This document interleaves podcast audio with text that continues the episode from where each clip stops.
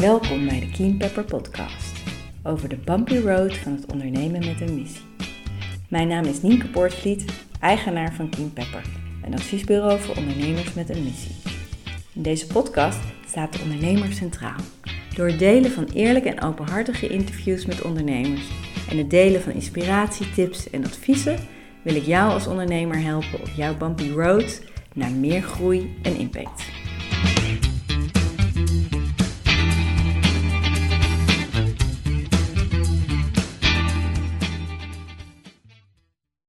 Welkom bij de twaalfde aflevering van de Keen Pepper podcast. In deze aflevering horen jullie het interview met Valerie Hirschhauser. Valerie is oprichter en CEO van Frank About Tea. En in het interview vertelt ze alles over haar missie om de theesector uh, te hervormen.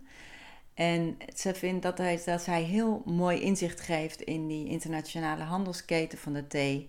Hoe die zo scheef is gegroeid en waarom het belangrijk is om dat te veranderen. En ze maakt mij ook weer bewust hoe ver wij als consument zijn verwijderd van onze voedselproducten. Want wie denkt er bijvoorbeeld bij het drinken van een kopje thee nog aan de theeboer in Sri Lanka of in Oost-Afrika? Ehm, maar alle voedselproducten beginnen uiteindelijk met mensen. En dat, dat uh, legt uh, Valerie heel helder en, uh, en goed uit. En daarnaast is het vooral ook een interview over haar persoonlijke reis als ondernemer, de ontwikkeling die ze heeft doorgemaakt en, en de dingen waar ze tegenaan liep en um, waar ze nu staat. En uh, in die zin doet ze de naam van haar onderneming echt eer aan. En ze is heel frank ook over haar eigen ontwikkeling. En ja, hoe haar gedrevenheid zorgde dat ze op een gegeven moment in een soort overdrive terecht kwam, waardoor ze zichzelf helemaal heeft uitgeput, de connectie met haar lichaam verloor en ja, hoe ze daar nu van aan het herstellen is en wat haar daarin heeft geholpen. En het gaat ook over authentiek leiderschap, uh, wat dat voor haar betekent en wat de vrouwelijke energie en haar vrouwelijke, haar eigen vrouwelijke energie, wat voor rol dat uh, daarin speelt. Dus er zit heel veel in het interview. Het is wat langer dan jullie gewend zijn. Maar ik vond dat er zoveel waardevolle content in zat dat dat uh, gerechtvaardigd was. Luister het vooral ook tot het eind. Want daar zitten ook hele mooie, uh, waardevolle inzichten die um, jullie mogelijk kunnen inspireren. Heel veel luisterplezier. Ik zit hier met uh, Valerie Hirschhauser, oprichter en mede-eigenaar van Frank About Tea. Uh, welkom, Valerie. Dankjewel, Nieke. Leuk je te zijn. Uh, laten we beginnen met dat je je eerst even jezelf voorstelt voor de mensen die jou nog niet uh, kennen. Ja, zeker. Valerie, een van de oprichters van Frank About Tea. We zijn een, een social enterprise dat de thee-industrie eerlijk wil maken. dat doen we door de verse thee rechtstreeks in te kopen bij theeproducenten. Alle tussenpersonen over te slaan. En uiteindelijk een beter product voor een betere prijs voor de boer in uh, Nederland uh, uh, verkopen en daarbuiten. en in essentie zijn we een, ja, een missiegedreven theemerk. Zowel online via onze eigen webshop als ook via veel kantoren en horeca wordt het geschonken. ondertussen wel meer dan 100 locaties in Nederland. En we zijn druk bezig met een, een retail lancering. Maar daar is nog niet ja, alles over duidelijk. dus daar zitten we eigenlijk middenin. Daar wil ik straks wat meer over ja. horen. Um, kan je ons nog even meenemen uh, naar het begin van de onderneming? Hoe ben je gestart? Zeker. Niet zozeer dat ik bewust de keuze heb gemaakt om ondernemer te worden. Ik denk dat het nog iets eerder begint uh, als ik even een paar jaar terug ga. Ik ben half Duits, dus ik ben in Duitsland opgegroeid de eerste 14 jaar van mijn leven. en toen, door het werk van mijn vader, zijn we naar België verhuisd. Alleen sprak ik toen nog geen Nederlands, dus ik werd in een in een, in een Europese school uh, gestopt. En dat uh, heeft voor mij eigenlijk uh, ja, de, de, de wereld geopend op veel vlakken. De eerste dag op schoolplein hoor je ineens zes talen. Dus dat, ja, sindsdien was ik eigenlijk gewoon heel nieuwsgierig naar andere landen, andere culturen. En dat, dat ja, ontwikkelde zich steeds meer naar een interesse in, in handel. van producten die we eigenlijk in, het, ja, in Europa en het Westen niet zelf verbouwen, maar wel consumeren. Um, en zo kwam ik steeds dichter bij uh, uh, oorspronkelijk cacao koffie en uh, uiteindelijk beland in de, in de thee. Wat deed je bij de koffie en cacao? Want je zei je kwam steeds dichter bij de koffie en de cacao. Was je daar... Klopt, ja, het was meer echt het interesse van um, waarom kent consument producent niet en, en andersom. Um, en dat ik tijdens mijn uh, masterstudie internationale betrekkingen dat steeds meer ging studeren eigenlijk. Dus voornamelijk de, de handelsrelaties tussen Afrika en Europa. En toen de tijd, dat is ook wel uh, privé gedreven, mijn uh, toenmalige partner ging in Sierra Leone werken in West-Afrika. Um, en daardoor nou, heb ik die, die regio ook kunnen ontdekken. En ben toen ja, via enkele omwegen in de cacao-industrie beland in Ghana.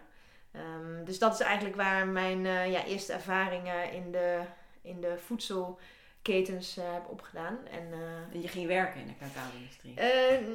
ja, nou, ik, ik, ik heb niet zozeer het standaard pad ingevolgd. Ik heb besloten na mijn master om niet te gaan solliciteren van achter mijn laptop, maar om gewoon het vliegtuig te pakken en naar Ghana te vliegen. Um, waarom? Omdat ik wist dat daar veel organisaties zaten die ik interessant vond van nou, toenmalig Fairtrade tot uh, uh, cacao, uh, koffieorganisaties enzovoort. Dus ik ben toen inderdaad naar Ghana gegaan. Um, nou ja, dan kom je in zo'n stad en dan kom je al vrij snel in een soort toch wel expat-netwerk. Um, en ja, via een paar omwegen en wat netwerken uiteindelijk terechtgekomen bij een meneer die voor Wageningen Universiteit onderzoek deed voor zijn PhD. Maar zelf door jonge kinderen ja, verhinderd was om zelf het veldwerk te doen. Nou ja, en ik was daar uh, flexibel zonder kinderen. Dus ik ben het veld ingegaan. Waar, um, waar, deed hij onderzoek naar? Uh, in of de jonge generatie cacaoboeren, uh, waarom die niet meer wouden boeren. En hoe je daar dus voor kan zorgen dat het dus door generaties heen, dat we kunnen zorgen dat ook de, de jonge generaties blijven boeren. En uiteindelijk natuurlijk zodat wij uh, lekker chocola kunnen blijven, blijven eten in het Westen.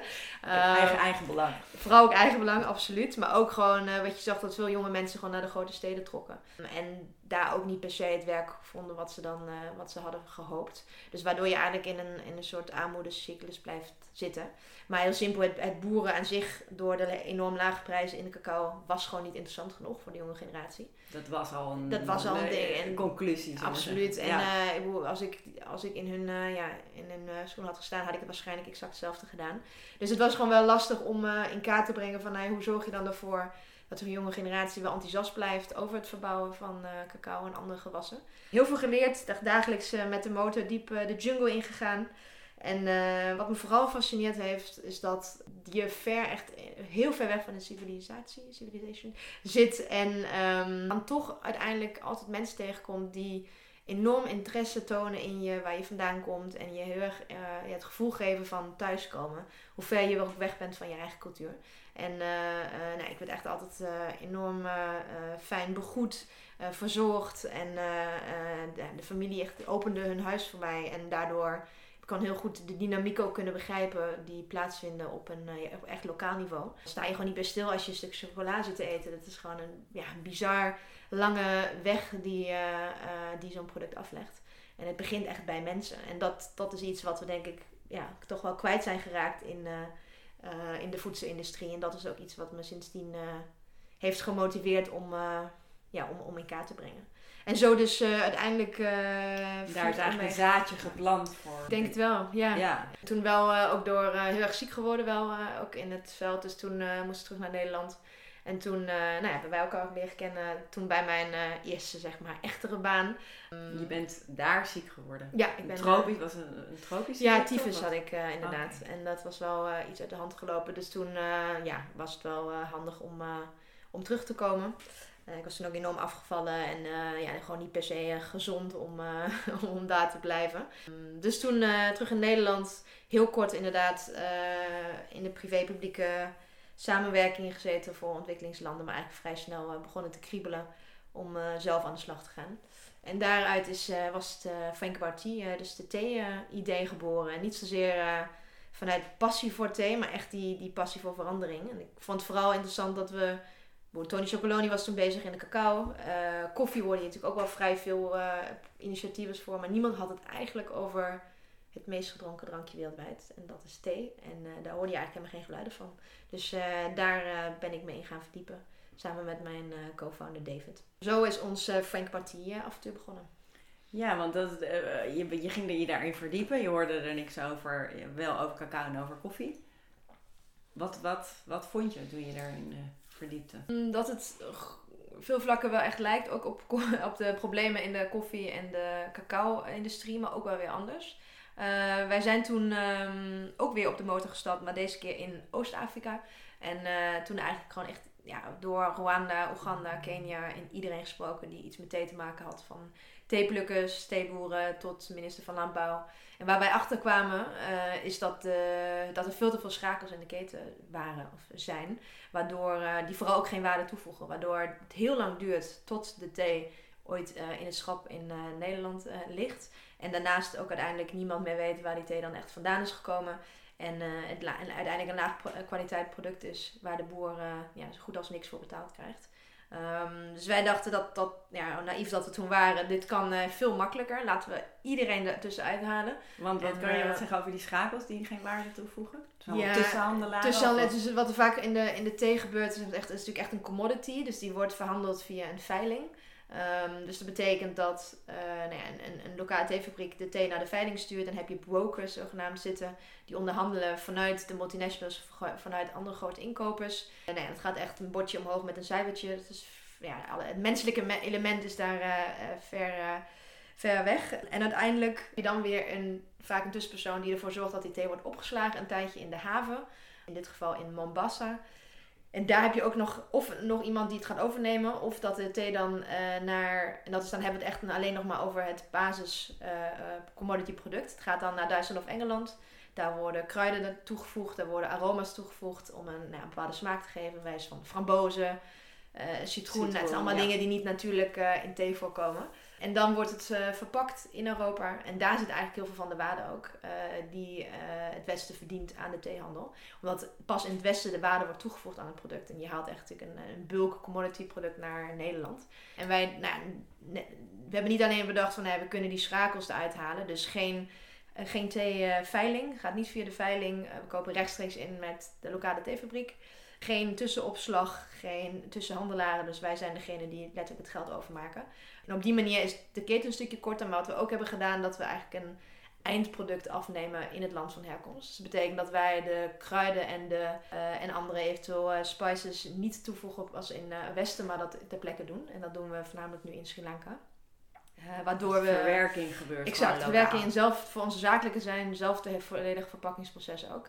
Waardoor je gewoon ja, meer, vier, meer dan vier keer meer waarde kan al toevoegen, puur uh, door dat proces daar te laten gebeuren. dus op die manier probeer je tweeledig de, de waardeverschuiving in de keten, de balans iets meer te herstellen. En, en gebeurde dat nog helemaal niet? Of was Weinig. Het... Gebeurt wel, maar dan is het vaak van hele lage kwaliteit.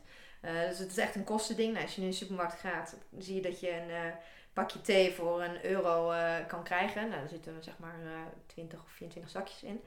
Dat is onrealistisch laag. als je kijkt naar de weg die een theeblaadje moet afleggen, naar de aantal handen die daarbij betrokken zijn geweest en de kosten van, een, van, een grond, van de grondstof. Dus in dat opzicht ja, is de theeprijs gewoon veel te laag. En daardoor kan je dus ook, uh, krijg je dus ook nooit echt hoge kwaliteit. Dus wij hebben ook gezegd, het begint bij kwaliteit. Want het is niet alleen een, uh, een, een sociale revolutie, maar het is ook echt een kwaliteitsrevolutie. Want zonder uh, hoge kwaliteit ga je nooit een betere prijs kunnen vragen, ook aan de consument. En blijft er nooit meer over voor uiteindelijk de producent. Dus we vinden het heel belangrijk dat het aan de voorkant een product staat wat van hele hoge kwaliteit is en gewoon extreem lekker is. En alleen op die manier ja, kan je de keten uh, veranderen. En ik denk dat het gevaarlijk is dat je nu in de supermarkten veel uh, uh, producten ziet die dan allemaal certificeringen hebben, zoals fair trade of andere sociale dingen, maar dan heel goedkoop zijn. Dus dat kan de perceptie wekken bij de consument dat het goedkoop en eerlijk kan. Maar dat, ja. dat kan gewoon niet. En dat is denk ik het probleem um, wat je nu ziet bij veel merken. Dat je dus dat we heel veel pro allemaal proberen om uh, bepaalde claims af te leggen, en gewoon maar te bewijzen dat we goed bezig zijn als merk. Um, waardoor de consument sowieso de boom niet meer door, het bos ziet, maar ook uh, de verkeerde perceptie wordt gecreëerd eigenlijk. Daarom hebben we ook actief besloten om geen certificering, geen keurmerken te hanteren. Maakt ons wel wat moeilijk door af en toe. Want uh, ja, bij grote overheidsaanvragen of andere zaken uh, is dat gewoon een kwestie van uh, checking the box. En die, die box valt bij ons niet te checken. Maar als je gewoon puur kijkt naar de cijfers achter de keten, kunnen we heel makkelijk aantonen dat de, dat de impact vele malen groter is dan, dan een Fairtrade certificering. Alleen legt dat dus uit op een verpakking aan de consument. Dus dat is, uh, dat is een uitdaging, maar wel een, eh, een hele leuke. Ja, leg het uit aan de consument, maar ook inderdaad wat je net schetst zo van, de, van die overheidsprocedures waarin, het, uh, waarin zo'n certificering dan ook echt een, een, voorwaarde is. Om ja, helaas nog wel. Het, je ziet het wel verschuiven. Een mooi voorbeeld was gisteren bij een, een, een grote hotelketen mogen pitchen en die echt heel bewust keken naar direct trade, naar leefbaar inkomen van de boer. En echt, echt heel erg uh, diep die impact inwouden. Nou, dat is gewoon heel leuk om te zien dat dat ook bij, uh, bij grotere ketens steeds meer speelt. Dus er zit verandering in de markt, maar ja, we zijn er nog niet. Ja, maar het vergt wel een, een bepaald bewustzijn van de klant. In dit geval mhm. dan een hotelketen. En ook veel kennis over wat dan daadwerkelijk. Ja, zeker. Dus Het, van jullie kant vergt het veel uitleggen. Maar je moet natuurlijk wel een beginpunt hebben dat mensen daar al zich bewust van zijn. Dat bijvoorbeeld al die Fairtrade certificeringen niet zoveel om het lijf hebben, maar veel greenwashing zijn. Nee, absoluut, zeker. En dat is uh, en langs een proces. En denk de vraag, zo'n discussie heb ik ook uh, gehad, ook, uh, nou ja, laten we zeggen, met de grootste supermarktketen in Nederland. Waar ligt de verantwoordelijkheid? De supermarkt in dit geval ervan uitgaat dat de consument zich hoort te informeren. Terwijl wij geloven dat het een samenspel is. Dus ook als bedrijf, als merk moet je het voorbeeld zijn, maar ook als uh, als, als supermarkt of als, uh, ja, als, als, zeg je dat, als uh, locatie waar dus de producten aangeboden worden, moet je ook een rol in gaan nemen in dat educatieproces. En daar, ja, daar zijn we het nog niet helemaal mee eens met, met de meeste bedrijven. Die toch vinden dat dit, deze verantwoordelijkheid alleen bij de consument ligt. Maar dat is wel heel interessant inderdaad. Want die discussie voerde je, maar die kwam daar niet tot een akkoord, zullen we maar zeggen. Het was niet nee. dat je daarmee hebt kunnen overtuigen. Nee, voor, uh, voor ons uiteindelijk ook niet interessant om die supermarktroute te gaan. Dus dat was, uh, in dat opzicht hebben die, was die keuze nog makkelijker gemaakt voor ons. Maar nou ja, wat ik gewoon lastig vind, dat we. Ik, geloof zeker dat de consument de verantwoordelijkheid heeft te nemen en niet blind de producten van het schap moet halen. Maar tegelijkertijd, ja, hoe moeilijk is het voor een supermarkt om er een bordje bij te zetten, bij wijze van: dit is niet in seizoen of. dit komt ver weg, dus dit zit een premium op. Of nee, ik zeg maar wat. Dus het is niet zo heel ingewikkeld om uh, ook om het schap ook voor te sorteren op bepaalde criteria. Um, maar goed, daar, uh, um, ja, daar zit nog wel wat, uh, wat ja, uitdaging. te winnen. Een wereld te winnen, ja, zeker. daar willen ze nog niet aan. Maar um, je vertelde al in het begin dat, dat je bezig was nu ook met een retail lancering. Ja. Eh, kan je daar iets meer over vertellen? Zeker. Ja, ja retail heb ik niet zozeer over inderdaad de grote retail. Dus niet de, de grootschalige supermarkten. Maar meer eigenlijk in het uh, premium retail segment dan. Dus dan uh, moet je denken aan delicatessenwinkels. Aan uh, een goede, goede bakker om de hoek. maar ook veel meer cadeau-conceptachtige winkels. Zoals een uh, Bijenkorf, zoals een waarwinkelketen. Nou, dit soort type plekken waar we gewoon echt de ruimte ook hebben om het verhaal te vertellen. En waar uh, de consumenten zowel uh, ja, voor zichzelf, maar ook uh, als een mooi cadeau op die manier impact kan maken. Dus dat is ja, iets waar we, waar we nu middenin zitten. Wat we uiteindelijk niet van plan waren, maar wel gemerkt hebben ook over dat, dat nou ja, zo'n, het offline contactmoment met de consument gewoon echt heel belangrijk is om, om die bewustwording in gang te zetten. En het is ook een heel leuk kanaal, omdat je daardoor, ja, het merk wordt ook wat tastbaarder dan online. En dat is toch de uitdaging altijd bij e-commerce als je een voedselproduct hebt. Ja, mensen willen toch proeven, uh, ruiken, proeven. En dat, uh, en dat kan nu uh, binnenkort. Aanraken. precies. En, ja. ja. precies. Dus online zou zeker een belangrijke rol blijven spelen. En dat is ook iets waar we heel volop op inzetten om, ja, om gewoon versatee direct van de plantage door je brievenbus. Dat is de, iets waar we, ja, waar we zeker niet van zullen afstappen. Maar in dit geval is het een mooie aanvulling om het ook in de winkels te zien liggen. Want jullie zijn gestart met dat kan je daar iets over vertellen? Ja. Abonnementsmodel, hè? ja, we zijn oorspronkelijk gestart uh, met een abonnementsmodel, inderdaad. Nou, ja, van de plantage in je brievenbus, maandelijks uh, je favoriete thee en een limited edition. Dus we hebben echt om de maand een nieuwe theesmaak en recept verzonnen. Dus je betaalt gewoon een bedrag per maand. Ja. En daardoor krijg je elke Elke maand kreeg je inderdaad ja. je theelevering. Dat ging hartstikke goed. ja, heel veel leuke abonnees erbij gekregen. Alleen kwamen we er op een gegeven moment wel achter dat ja, om echt een online bedrijf op te schalen heb je gewoon een hele specifieke kennis nodig en ook kapitaal. En dat beide hadden we toen niet. Dus toen eigenlijk besloten uh, om het online stukje op een laag pitje te zetten. En, uh, en wat is dan die hele specifieke kennis?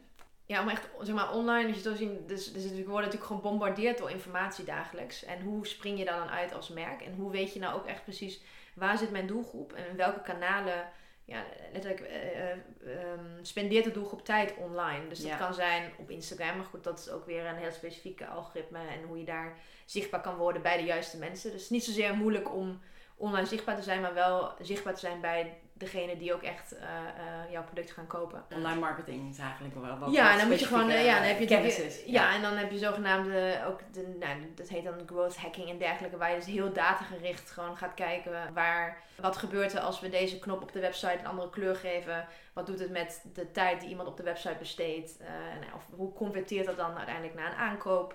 En dan is eigenlijk moet je daar dagelijks in die cijfers zitten en aan de juiste knoppen draaien. En daar heb je gewoon echt dedication en en uh, ja, wel diepe kennis ook nodig. Uh, en ook vooral om daar een schaalbaar bedrijf op te maken. Je moet ook bedenken voor online, je, moet, je betaalt een x bedrag om een klant uh, naar je website te krijgen. Ehm, tot je dat bedrag er weer uit heeft, moet die klant meestal twee bestellingen geplaatst hebben. Dus je hebt een enorme cashflow nodig om te kunnen blijven investeren in, het, in de online marketingkanalen. Dus dat was toen een uitdaging. En we zagen tegelijkertijd ook veel vragen vanuit kantoren en vanuit horeca die graag onze thee wouden hebben. Nou ja, zo zijn we eigenlijk ingerold uh, in het kantorenlandschap. En uh, dat hebben we... B2B. Eh, ja, B2B. Dus ja. hebben we 2,5 jaar met veel plezier gedaan. Dus dan uiteindelijk leveren we nog steeds bij... en je moet denken aan corporates zoals een PwC Accenture, maar ook cowork spaces zoals de Tribe Skate, SkillUp en dergelijke. Maar ook horeca, ondertussen ook op Schiphol achter de douane. Tropencafé in Utrecht, Utrecht en dit soort type plekken waar ja, waar wel uh, veel ook aandacht wordt gegeven aan uh, goede producten. Dus dat is super gaaf. Alleen je kan je voorstellen met COVID dat dat redelijk in elkaar is gestort. ik denk dat we van de ene op de andere dag letterlijk 8, 9% van de omzet kwijt waren. Dus dat was wel, ja, was wel even, even slikken. Maar ja, heel, daardoor werd het eigenlijk een heel interessant jaar. En dan kom je, ook, kom je zelf toch weer tegen als ondernemer. En waarom ben je dan ondernemer? Ja, dat je wil ondernemen. En uh, dat zijn dus dan echt de momenten waar, denk ik, waar je echt getest wordt op je, op je mindset. En ook getest wordt op van hoe graag wil je dit nou eigenlijk. En uh, ben je, kan je snel genoeg schakelen en ben je bereid om te schakelen en wat is daarvoor nodig. En uh, uiteindelijk is dat een heel interessant jaar geworden en staan we nu uh, ja, op een ander punt waar we denk ik niet zo snel hadden gestaan als, we, als COVID niet was geweest. Dus kan je daar wat over vertellen? Want je inderdaad van de een op de andere dag 98% van je business. Ik zou onder ja. de deken gaan liggen. nou, ik denk dat ik echt twee dagen uh, in de, redelijk in denial ben geweest. Ik ben gewoon lekker gaan wandelen. Ik heb eigenlijk heel genoten van de eerste lockdown. Want ik hoefde eigenlijk een keer helemaal niks. Uh, ja, dus het is altijd gek als als tegen mensen zeg, maar ik heb dus uh, de lockdown als heel positief ervaren. Maar uh, nou ja, na een paar dagen was het wel zo van dat we onszelf de vraag stelden van ja, willen we, willen we het zo makkelijk laten gaan? Willen we als iets, iets externs als als een COVID um, uh, bijna zo de schuld geven dat het bedrijf niet gaat lukken. Nou ja, dat voelde uiteindelijk niet eerlijk naar onszelf toe en ook niet eerlijk naar COVID toe. Maar nee, maar uh, dat, dat, dat was gewoon, het voelde gewoon niet goed. Eigenlijk, eigenlijk van dan willen we hier verantwoordelijkheid voor nemen of niet? Ja, in essentie wel, ja. Ja, absoluut. En uh, ja, en uiteindelijk ook... Um, ja, je moet je, we hadden natuurlijk, dit is ondernemen sowieso een stuk zwaarder dan ik had verwacht. Dus we hadden natuurlijk al, al drie, drieënhalf jaar achter de rug. Um, ja, want je bent 3,5 jaar geleden gestart, hè? Uh, nee, ondertussen uh, 4,5 jaar. 4,5 ja, ja. ja.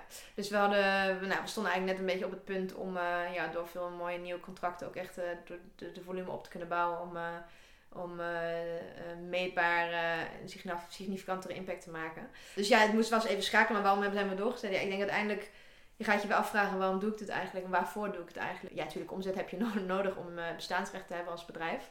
Maar het ging eigenlijk veel dieper dan dat. En spiritueel of niet, maar ik heb uh, voor mezelf bepaald, uh, nou, uh, als het universum vindt dat wij bestaansrecht hebben als bedrijf, ook in een crisis, dan weten de klanten ons wel te vinden. Vertrouwen gaat het over eigenlijk. Eigenlijk wel, ja. Vertrouwen in dat wat je hebt gedaan toch meer is dan misschien tastbaar is. Of toch ja, dieper gaat dan puur een product verkopen. En dat is natuurlijk waarom, dat weet je zelf. Maar de vraag is, weten je klanten dat ook? En voelt de markt dat ook? nou ja, ik denk, ja, ik, nou ja letterlijk de avond uh, dat ik dat voor mezelf had uitgesproken. Uh, volgende dag uh, belde in dit geval PwC, die voor heel een landelijke werknemers heel graag een, een theepakket thuis geleverd wouden hebben. En zo waren er toen nog vele meer die hetzelfde hebben gedaan. Voor thuiswerken. Ja, gezeten.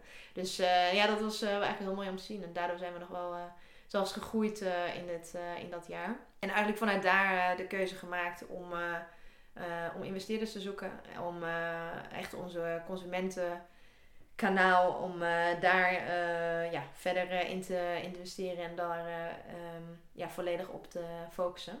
Dus eigenlijk, hoe kunnen we terug naar het begin in essentie? Dus hoe kunnen we rechtstreeks weer naar die consument leveren thuis? Um, en wat wij vooral belangrijk vonden, is om ook niet in een soort slachtofferhouding te gaan zitten. Van, uh, uh, oh ja, we hebben het zo zwaar, want uh, die, die omzet is weggevallen. ja, eens, natuurlijk, we hadden het zwaar, maar we waren zeker niet de enige. En tegelijkertijd, ja, geloof ik dan wel dat je dus, dat is dan waarom je ondernemer bent. En als, ja, misschien klinkt misschien harder, maar ik denk ook ja, toch wel plekken hebben gezien waar je dan ook afvraagt van ja, had die, moest die plekken, was die überhaupt wel belangrijk genoeg om überhaupt te bestaan? En dat je daar denk ik als in COVID als ondernemer ook met je ideeën, met je bedrijf heel erg mee werd geconfronteerd. Van, uh, uh, ja, is dit bestendig genoeg om door een crisis mee te komen? Zoals ik het heb ervaren is dat die in alle opzichten heel veel dingen heeft uitvergroot. Ja, dus, Dus zeg maar als het fundament al niet goed was, dan, dan werd dat heel zichtbaar. Ja. Uh, ja, natuurlijk wel het voordeel dat we nog een uh, relatief uh, klein bedrijf zijn, waardoor we dus wel ook flexibel konden schakelen. Geen grote loonlijst en dergelijke. Dus dat is dan wel je voordeel dat je agile kan opereren. Maar nou ja, dus toen wel de keuze van nou, we gaan gewoon een, ja, noem het, noem het doorstart. We gaan een doorstart maken weer terug naar die eindconsument, daar waar ook onze passie ligt. En het verhaal rechtstreeks te kunnen vertellen. En uh, waar, hoe we eigenlijk ooit zijn begonnen. Dus zeker wel in de stroomversnelling uh, door COVID. En ja, ondertussen, een paar maanden later, hadden we twee hele um, fijne investeerders erbij. Twee familiebedrijven. En, twee familiebedrijven die wilden investeren. Ja, die, waar we samen nee, echt als, als, als, team nu de consumentenlijn in de markt aan het zetten zijn. En het bedrijf verder op te schalen.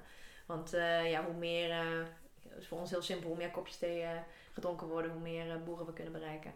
En we, ehm, wat voor hen ook belangrijk was, en dat is, nou, was voor ons echt een vereiste in de samenwerking met investeerders ook, dat wij geven 2% van onze omzet, dus niet winst, maar echt omzet, steken wij in boerentrainingsscholen, um, waardoor we al meer dan 300 boeren hebben kunnen trainen. En op die manier, uh, nou ja, dat was voor ons wel een vereiste van, ben je als investeerder oké mee dat een deel van die omzet altijd zou worden afgedragen, ongeacht of er winst wordt gemaakt of niet, en ongeacht of je in goede en slechte tijden bent. En dat is gewoon een commitment die wij uh, hebben gemaakt naar de boeren toe en naar onszelf toe en naar, naar de financiële realiteit toe. Dus um, ja, daar waren ze zeker akkoord mee, ook vooral omdat dit gewoon integraal is aan, aan wat we doen. Dus ja, heel bijzonder om dit soort toekomstgerichte investeerders te, te hebben die verder kijken dan dan je ja, zogenaamde financial bottom line en ook echt erin staan voor ja, de bigger picture. Ja. Dat, dat, zeg je net terecht, dat was voor ons ook echt een vereiste om überhaupt met ja. zee te gaan. Ja, het is echt een soort huwelijk wat je met elkaar aangaat. En dat wordt denk ik vaak onderschat, omdat je bent in zo'n moment gewoon op zoek naar geld. Maar ja, dus dan, je, bent, je werkt heel nauw met elkaar samen en je bent nu samen eigenaar van je bedrijf. En dat is gewoon wel juist, ik zie heel veel ondernemers om me heen gewoon heel lastige investeerdersrelatie hebben. En dat uh, kost heel veel tijd om te managen. En uh, het is ook heel erg afleidend. En uh, heel simpel, je voelt als ondernemer ook wel die, die druk natuurlijk. je bent niet meer zelf, je bent niet meer de enige ja, eigenaar of enige verantwoordelijkheid. Dus in die zin... Um, ja, je hebt de verantwoordelijkheid ook naar je investeerders. Absoluut, dus het is gewoon heel belangrijk om, om, om op dezelfde, ja, dezelfde lijn te liggen. Ja, ik denk dat het trouwens nog even interessant om zo nog even te horen over hoe, hoe dat proces is gegaan van het vinden van de investeerder. Je zei al mooi, gebruikt al de analogie van een huwelijk. Ja. Uh, dus hoe jullie in het huwelijksbootje zijn gestapt ja, samen. Maar nog heel even over het model. Want je zei net een beetje zo in de zijzin. Hè, we investeren 2% van onze omzet in het trainen van boeren. Ja. Dat vind ik ook heel mooi aan jullie model. En dat, dat klopt ook heel erg met je missie. Kan je daar even kort nog iets over vertellen? Van ja, zeker. en, en, waar worden ze dan in getraind? Ja. Ja, dat doen we ook omdat we gewoon nog niet 100% uh, eh, alle ingrediënten die wij gebruiken. Want we, we gebruiken niet alleen thee, maar ook heel veel kruiden en, uh, en specerijen. Dat we gewoon nog niet kunnen garanderen dat 100% van deze ingrediënten op de Frank manier worden gesourced. En daarom is het voor ons vanaf begin af aan belangrijk geweest om wel tastbaar impact te kunnen maken op de boeren door gewoon deel van de omzet weg te geven. En waarom kan je dat niet garanderen? Je moet zo zien dat ik, we zijn heel begonnen vanuit de, de missie vanuit de thee. En thee is een bepaald gewas, dus wat dus in bepaalde uh, gebieden groeit, waar, waar vaak dus veel te weinig voor betaald wordt. En dan uh, wat je ziet in de markt ziet gebeuren. Nou, we zitten nu ook volgens mij gember kurkuma te drinken. Het heeft heel weinig met thee te maken. Dus uiteindelijk is dat... wordt er heel veel aan toegevoegd. ja, je moet dus die specerij en kruid ook ergens vandaan halen. En, dat, en dat vraagt weer een hele andere aanpak. Dat vraagt andere landen, andere type samenwerkingen. En, een hele andere keten is dat. Een andere keten. En ik denk heel vanuit het kader van Pick Your Battles. thee is gewoon, staat bij ons vooraan. En daar is heel veel in te halen. En daar zijn we heel erg druk mee om dat de goede kant op te krijgen. En we zijn nu steeds mee bezig om ook alle specerijen en dergelijke in kaart te brengen. En daar um, dat ook proberen om steeds meer vanuit dezelfde landen te kunnen, te kunnen sourcen. Maar heel simpel, daar zijn we gewoon nu nog niet. We kunnen nu niet garanderen dat, dat elk kruid wat wij gebruiken op de fijne manier wordt gesourced. En daarmee bedoel ik rechtstreeks en uh, uh, voor een, uh, voor een premiumprijs. En daarom is het ook belangrijk voor ons geweest om wel in de, in de communities waar wij mee samenwerken met de boeren op die manier um, ja, die, die cirkel eigenlijk rond te krijgen door ze te betrekken in trainingsscholen. Dat is niet zozeer omdat ze, dat ze dom zijn, in tegendeel. Maar het heeft er gewoon puur mee te maken. Wat wij zien gebeuren is dat Um, nou, we zitten in een, in een realiteit van klimaatverandering. Daardoor, dat zien we nu al terug in uh, veel van de gemeenschappen waar we werken. Dat, uh, dat uit zich al door uh, meer regen, door sterke regen of door juist geen regen of andere um, symptomen. Dus in die manier zijn de boeren vaak daar niet op voorbereid. En is het belangrijk om ze ja, te maken in dat opzicht. Dus wij zitten, het is niet zozeer dat wij de opleidingen geven, maar het wordt allemaal lokaal gefaciliteerd. Via het ministerie van Landbouw en andere lokale experts. Echt. Dus wat wij doen, ze kunnen zelf kiezen welke type onderwerpen ze meer over willen leren. Dat gaat van hoe uh, plant ik uh, mijn eigen moestuin aan? Hoe kan ik mijn eigen eten verzorgen? Dat ik niet meer twee uur met de bus naar de markt moet en mijn tomaten moet gaan halen. je zou denken dat dat vanzelfsprekend dat je dat al hebt gedaan, maar dat is vaak niet het geval. Omdat ja, het toch heel erg overleven is op de dag zelf en, en vaak korte termijn gedachten wordt. En ja, begrijpelijk ook. Dus heel erg en dan niet zo snel uh, uh, wordt vooruitgekeken naar hoe zorg ik voor genoeg voedsel voor mijn, voor mijn gezin. Nou, dat zijn een van de onderwerpen, maar ook inderdaad klimaatresistentie. Hoe uh, kan ik mijn theebladeren beter plukken, dat, dat er uiteindelijk meer volume gecreëerd wordt. Maar ook dingen als hoe kan ik HIV, hoe kan ik daarmee te omgaan? hoe zorg ik voor een bepaalde wiskundematige aanpak in mijn andere businesses? Hoe kan ik dus mijn inkomen uh, aanvullen met andere zaken. En dat is echt heel breed. Dus voor ons is het ook niet belangrijk. Wij bepalen ook niet uh, waar we vinden dat ze uh, in getraind moeten worden. Maar dat ligt echt aan hun, waar ligt hun behoefte. En um, ja, het is gewoon heel gaaf om te zien dat op die manier... Dus de groepen zich echt heel zelf organiseren met enorme discipline. Nou, ik ben nog niet lang geleden nog bij een, uh, klasje geweest. Nou, uh, dat, dat is, uh, daar kunnen we echt een voorbeeld aan nemen hoe het in Nederlandse scholen aan toe gaat. Dus, en uiteindelijk, ja, de, eind, de, eindvraag is hoe krijg je een boer naar een leefbaar inkomen. En dat hoeft dus niet alleen van thee te zijn. En dat is denk ik ook een illusie die we hebben gehad ook in de cacao en in de koffiesector. Dat we wel heel erg bezig waren als industrie van hoe krijgen we nou die boer op een leefbaar inkomen van alleen de koffie of de cacao. Maar ook een realiteit zit in de markt van hoeveel kan je uiteindelijk gaan vragen voor die koffie en cacao. En ik denk dat er nu wel echt studies uit zijn gekomen um, die bewijzen dat we moeten realiseren dat een boer onder of drie, drie acres van land nooit um, leefbaar inkomen gaat verdienen met enkel koffie, cacao of thee. En dus tegelijkertijd was dan ook weer mooi om te zien dat het klimaat of, of milieutechnisch ook veel beter is als er niet maar één gewas wordt verbouwd. Dus uiteindelijk gaat het water steeds meer naartoe gaan. Dus hoe, hoe kun je, kan je het meest mogelijke halen uit je stukje land? Op een uh, duurzame, op duurzame manier. Dus waarom niet een mangoboom naast een theeplant? Waarom niet een avocadoboom naast een macadamiaplant? Nou ja, op die manier uh, dus veel eigenlijk gewoon breder gaan kijken. En dat ook wij de verantwoordelijkheid voelen om voorbij thee te kijken. Van hoe, ja, wij voelen ons verantwoordelijkheid, verantwoordelijk voor die boeren. Dus hoe kunnen wij ook mogelijk op een manier faciliteren dat ze uiteindelijk aan het eind van de streep naar een leefbaar inkomen komen. Natuurlijk liefst door zoveel mogelijk uh, uh, thee uh, te verbouwen, maar daar moet ook er zit ook een grens aan wat daarin mogelijk is in, het, ja, in, het, in de grootte van het land. En het hele ecosysteem ja, en de manier waarop het gewoon economisch is georganiseerd. Ja, absoluut. we hadden het net al even over jullie keuze om toch weer terug naar de consument te gaan. in de stroomversnelling gekomen door de COVID. Ja. Uh, is het ook vanuit je missie uh, een, een, een, bewuste keuze geweest? Ja, absoluut. Ik wil het, uh, geloof heel erg dat je als consument, ja, elke keer dat je een, een geld besteedt uit je portemonnee, geef je in essentie een stem aan een bepaald systeem. En als consument hebben we enorme macht om keuzes te maken. Voor welke producten we, we, consumeren. En daar hoort wel een bepaalde bewustwording bij. En dat zien we ook als onze verantwoordelijkheid om daar, ja, daaraan bij te dragen. En die consument echt mee te nemen in die reis uh, want ja, je hebt vaak als consument gewoon geen idee wat erachter zit. Um, dus veel meer die consument ook daarbij te betrekken, uh, rechtstreeks communiceren. En we zijn echt bezig om, ja, er is steeds, meer een soort frank community waar uh, we hebben bijvoorbeeld een, een bi-weekly nieuwsbrief waar het ook echt verder gaat dan alleen thee. Dus het gaat hoe kan je als consument ook een, een frank en bewust leven leiden. We moeten realiseren dat we elkaar ook als consumenten gewoon nodig hebben om die verandering teweeg te brengen. Ja, en bij die community hoort nu ook, of die community, maar in ieder geval gelijkgestemde, hoort het uh, verhaal van die investeerders, wat je net vertelde. Hè? Dat je daar, kan je daar nog even iets over vertellen? Daarna wil ik heel graag meer horen over jou als ondernemer en jouw ontwikkeling. Ja, ja, je zit dan op een punt en denk je van ja, hoe, waar gaan we in godsnaam nou mensen vandaan krijgen die... Uh, die ons geld willen geven in, uh, in, een, uh, in, in, in een situatie als COVID. Want je, uh, daar, was je, daar begon je mee in de, in, midden in de coronacrisis? Of was je ja. daarvoor al... Nee, nee, daar begonnen we echt mee. Dus ja. dat is vrij snel gegaan hoor. We hebben afgelopen december besloten om toch naar investeerders toe te stappen. En uiteindelijk hebben we begin juli getekend. Uh, dat is vrij recent nog. Dus nee, dat was wel een uh, bewuste keuze. Dus je dacht, wie gaat ons in godsnaam dat zijn natuurlijk de eerste gedachten die dan opkomen. Waar begin je? Maar als je ook, als je één keer dan weer in dat wereldje zit, dan heb je door hoe onwijs veel geld er in omloop is. En hoeveel geld er ook beschikbaar is. En hoeveel investeerders er ook zijn die ook verder kijken dan, dan morgen. En die uh, um, ja, ook zich goed bij willen voelen bij hoe, waar hun kapitaal in wordt geïnvesteerd. En wat je denk ook ziet opkomen is familie bedrijven, family offices, waar de jonge generatie aan het roer staat. En die, die willen hun kinderen ook iets moois achterlaten. En, uh, dus daar zie je echt een hele mooie beweging dat nou ja, de wat oudere graden een stapje terugneemt en de jonge familiegeneratie het overneemt en gewoon met hele andere waarden in het investeringsproces staat. En uh, op die manier, uh, nou, we zijn natuurlijk wel begonnen op de klassieke manier door de grotere fondsen in Nederland die er zijn.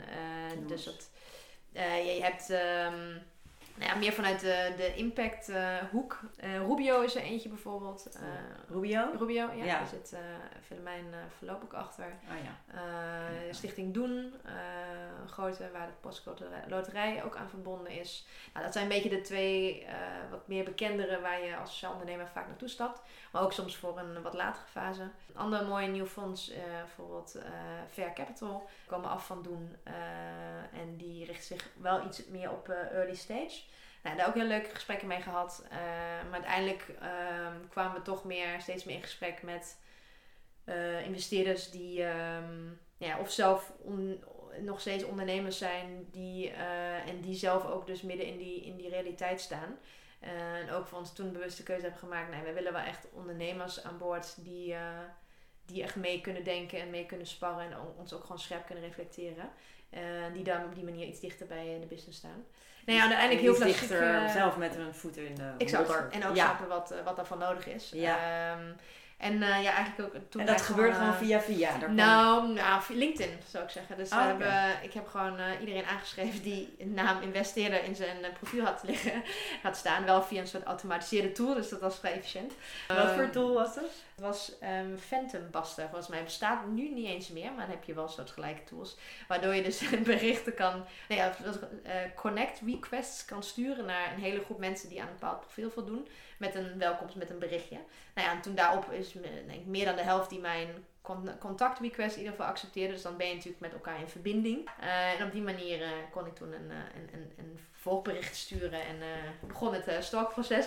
Nee, uh, maar nee, ja, eigenlijk op die manier, grappig genoeg, bij een van onze investeerders eindelijk terechtgekomen.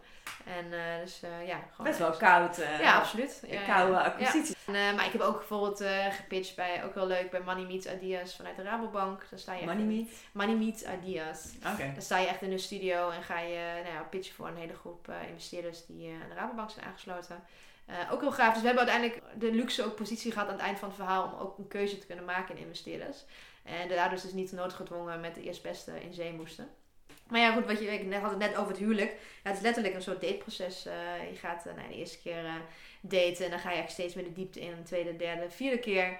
Ga je elkaar, nou, de eerste twee keer was dan vaak online. Na de derde, vierde keer ga je elkaar dan in persoon zien. En dan komen toch wel andere dynamieken daarbij kijken. En ga je... verbale communicatie. Ja, absoluut, absoluut. En ja, op een gegeven moment ga je dan, ja, willen we dit, ja, gaan jullie nou, doen jullie mee of niet? Nou ja, dan ga je dan toch naar een soort commitment toe. Ja, een heel interessant proces. Uh, achteraf vond ik het wel ook een heel leuk proces, heel leerzaam. Vooral ook gewoon dicht bij jezelf blijven en ook ja, blijven vertrouwen hebben in wat je doet. En uh, uiteindelijk ook weten van, nou, er zullen mensen zijn die achterstaan wat je doet. En vooral ook niet te veel uh, compromis daarin vinden. We hebben mensen gezegd die vinden dat het businessmodel niet zou werken. Er waren anderen die, die er een heel ander bedrijf van wouden maken. En dan moet je denk ik ook als ondernemer gewoon dicht bij jezelf blijven en weten wat je zelf wil. Um, sterk in je schoenen staan. Absoluut, want anders, uh, ja, je moet er wel energie eh, uit blijven halen natuurlijk. Ja, en ging jij er ook op die manier in vooraf? Of is dit echt iets, want je zei net, ik heb veel gewoon geleerd? Nee, ik bedoel, je spreekt zo een divers uh, aantal aan investeerders. De eerste wat ik heb gezien, dat het voornamelijk mannelijke investeerders waren. Ja, dat was ook een vraag die ik absoluut. had. En als, ja, heel simpel, als uh, vrouwelijke ondernemers, hoe cliché het ook klinkt, sta je gewoon 0-1 achter. Dat is gewoon een realiteit. En dat is ook iets wat we in de cijfers terugzien. Ja, um, die cijfers zijn, zijn echt Ja, nee, vaak dingen als, oh, heb je een mooi initiatief? Of leuk projectje. leuk projectje inderdaad. Van, oh ja, nee, is leuk, maar dat uh, gaat natuurlijk nooit groot worden. Nou ja, dit soort uh, type dynamieken die je dan snel ziet. Of nou ja, wel dan een gesprek aangaan, maar uiteindelijk ja, meer als vanuit een soort... Nou, ik zou dit zielige meisje wel even mijn audiënt geven in plaats van als een gelijkwaardige gesprekspartner. Nee, dus dat zie je wel absoluut. Dat voelde jij ook direct op het moment. Dat, dat voel je vaak en dat was ik ook gelijk afgehaakt. Ja. Um, ja, dat, dat, dat, is, dat voel je. Dat is, dat is een realiteit. En, uh, maar goed, dat is ook niet... Uiteindelijk zijn we ook met twee mannelijke investeerders beland. Ik heb toen wel geprobeerd om bewust vrouwelijke investeerders ook op te zoeken. Um, die waren er. Wel in ieder geval, wat mij betreft, een stukje beperkt. En ook niet zozeer in de industrie waar wij in zitten. Uh, maar er zit wel echt verandering. Er zijn steeds meer ook fondsen, bijvoorbeeld het Boski Fonds, waar ja. echt puur op vrouwen wordt geïnvesteerd. Niet zozeer waar, in, in, de fase waar, of in de sector waar wij zitten. Maar in ieder geval wel uh, uh, ja, daar steeds meer aandacht voor komt. Ja, en bij het Boski Fonds hebben ze ook een eis dat je op een of andere manier bijdraagt aan de ja, en volgens mij ook verbetering wel, van de positie van vrouwen. Klopt, en volgens mij wel ook het tech-element, ook wel een stukje technologie oh, ja. erbij. Ja. Um, maar goed, er zijn, nou, zo zijn er meer hoor. Dus heb, ik heb zeker ook wel wat vrouwen gesproken, maar weinig. Um, dus uiteindelijk, uiteindelijk maakt het ook niet uit of je nou man of vrouw aan boord hebt. Maar het is wel een realiteit waar je je bevindt. Waar je gewoon ziet dat het pad ernaartoe gewoon ja, wat uitdagender is. En waardoor je gewoon nog uh, meer, nog dieper moet gaan zoeken naar de juiste profielen. Die dus, geen, die dus geen verschil maken. Of waar je niet wordt gevraagd of je van plan bent om zwanger te worden het komende jaar. Maar dat dat echt? Ja, natuurlijk. Ja, dat is echt de cliché, maar dat gebeurt wel. Ja, zeker. Hoe reageer je dan? Want jij bent uh, samen met David ben je dit bedrijf. Ja, ik ben wel degene, ik ben wel, ik heb wel de lead gehad in de investeringsronde. Dat was ook uiteindelijk een bewuste keuze dat ik die lead ging nemen. Dat in begin, ja, omdat het uiteindelijk ook mijn rol als CEO was om dat te gaan doen. En ik denk in het begin juist ook bedacht, nou moet ik het misschien beter als, als er een man aan het, uh, aan het roer staat naar buiten. dacht van ja, maar waarom dan staan we, waarom doen we het dan überhaupt? Ja, dan conformeer je je eigenlijk nee, waar je het zo niet mee eens bent. Nee, ja. ik zeggen, die gedachte kwam wel op hoor. Uh, dat je uiteindelijk wil je gewoon, uh, je, hebt, je hebt gewoon kapitaal nodig en je wilt, gewoon, je wilt gewoon door.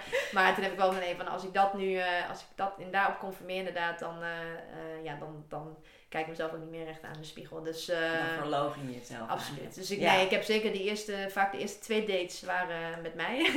en pas in de derde, vierde date kwam dan David of andere teamgenoten bij om op die manier ja, echt uh, nog meer uh, ja, gewoon het team te leren kennen en dergelijke. Maar uh, ja, dus dat heb ik wel snel doorgehad.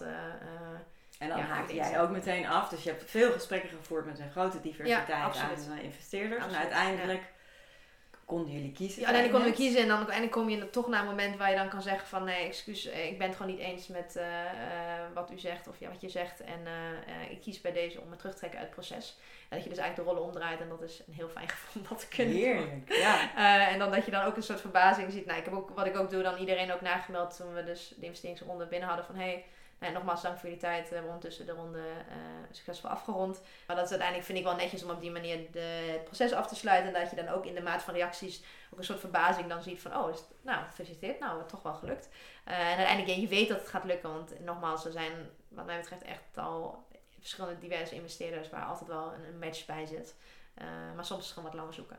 Ja. Maar uiteindelijk... Maar eh, lang klinkt het niet over. Nee, nee, hè? klopt, December klopt. en juli Ja. getekend. Dat Ja. is eh, een half jaar. Nee, klopt. Ik ook via eh, ook een, een klant van ons, een bedrijf, die ons ook weer gelinkt hebben aan investeren. Dus op, ja, op die manier kom je ook gewoon via via goed terecht. Van via je netwerk. En, eh, maar je, hebt, je hoeft niet per se, ja, ik- ja, ik had wel een groot netwerk, maar het is niet per se een vereiste dat je er niet gaat komen als je helemaal geen netwerk hebt. Maar uiteindelijk is het natuurlijk wel, eh, is het bij alles zo. Eh via via werkt altijd het snelst. En ehm, nou ja, je hebt in het gesprek al heel mooie dingen gezegd over je, zo een beetje by the way, zullen we zeggen, over je ontwikkeling als ondernemer. Ja. Hè? En eh, vertrouwen is iets wat steeds eigenlijk als een Ja. soort van rode draad terugkomt. Mindset heb ik je een paar keer horen zeggen. Ja.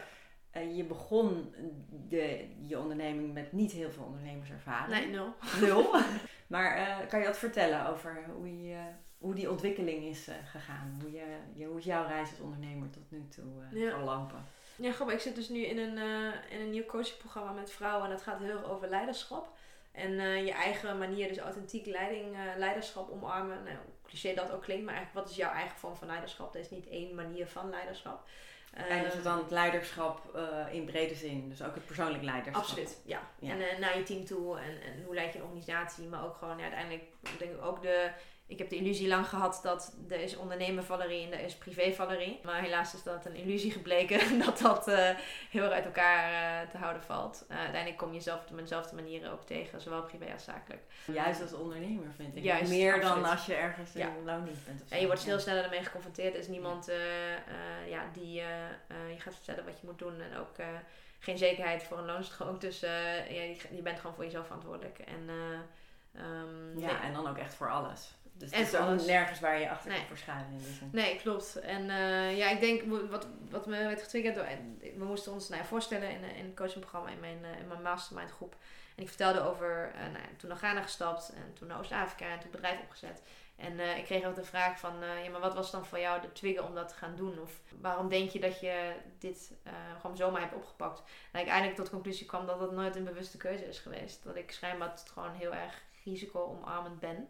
Ehm, en me nooit eigenlijk bewust de vraag heb gesteld van, oh, wil ik dit ondernemerschap nu wel in? En eh, ja, het, het, de verre landen het reizen is gewoon iets wat eh, ik wel veel heb meegekregen. En waar ik ook een bepaalde soort, ja, een bepaald soort gevoel vandaan haal van, oh ja, ik ben ook maar één van de zoveel op de wereld. En eh, mijn zogenaamde problemen of andere zaken zijn zo irrelevant in de, in de grotere context. En elke keer bij het reizen, en dat is wat reizen bij mij doet ook, of andere landen, dat je dan eigenlijk die wel kan verschuilen en even gewoon uit kan stappen uit eh, eh, ja, de maatschappij hier of, of wat wij dingen die normen en dingen die wij gewend zijn en echt puur kan observeren en, en deel kan worden van zo'n heel andere dynamiek en een heel andere eh, normen en, en waardes. En dat, ja, dat laat je ook dan toch ook wel denken van ja, wat zijn de waardes die wij hier in Nederland hebben of met z'n allen? Zijn dat wel echt mijn waardes? En ehm, zo ja of zo niet, wat dan wel en hoe kan ik dat dan toch vormgeven?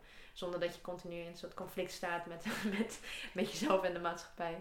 Dus dat is, dat is een reis geweest en daar word je als ondernemer heel erg mee geconfronteerd. En uiteindelijk is het nog steeds iets waar ik wel, wat ik wel lastig vind hoor. Ik heb wel echt een soort pleasing eh, eh, syndroom, of hoe je het wil noemen. Ik wil graag aardig gevonden worden door mensen met wie ik zaken doe. En dat komt, reflecteert zich ook in eh, de manier dat ik me heel professioneel opstel. En dat is ook iets wat natuurlijk bij mij, waar ik natuurlijke aanleg voor heb. Dus mensen vertrouwen me ook echt. En eh, eh, eh, nee, er zit wel een soort, ik geef mensen wel toch een soort gevoel van dat de dingen goed zijn en dat ze goed worden aangepakt. En, en, en, maar dat is ook gelijkheid een valkuil, want dan ga je dus, dan ben je geneigd om soms conformeren of dingen anders vorm te geven dan je eigenlijk zelf misschien diep van binnen wilt en voelt dat beter is.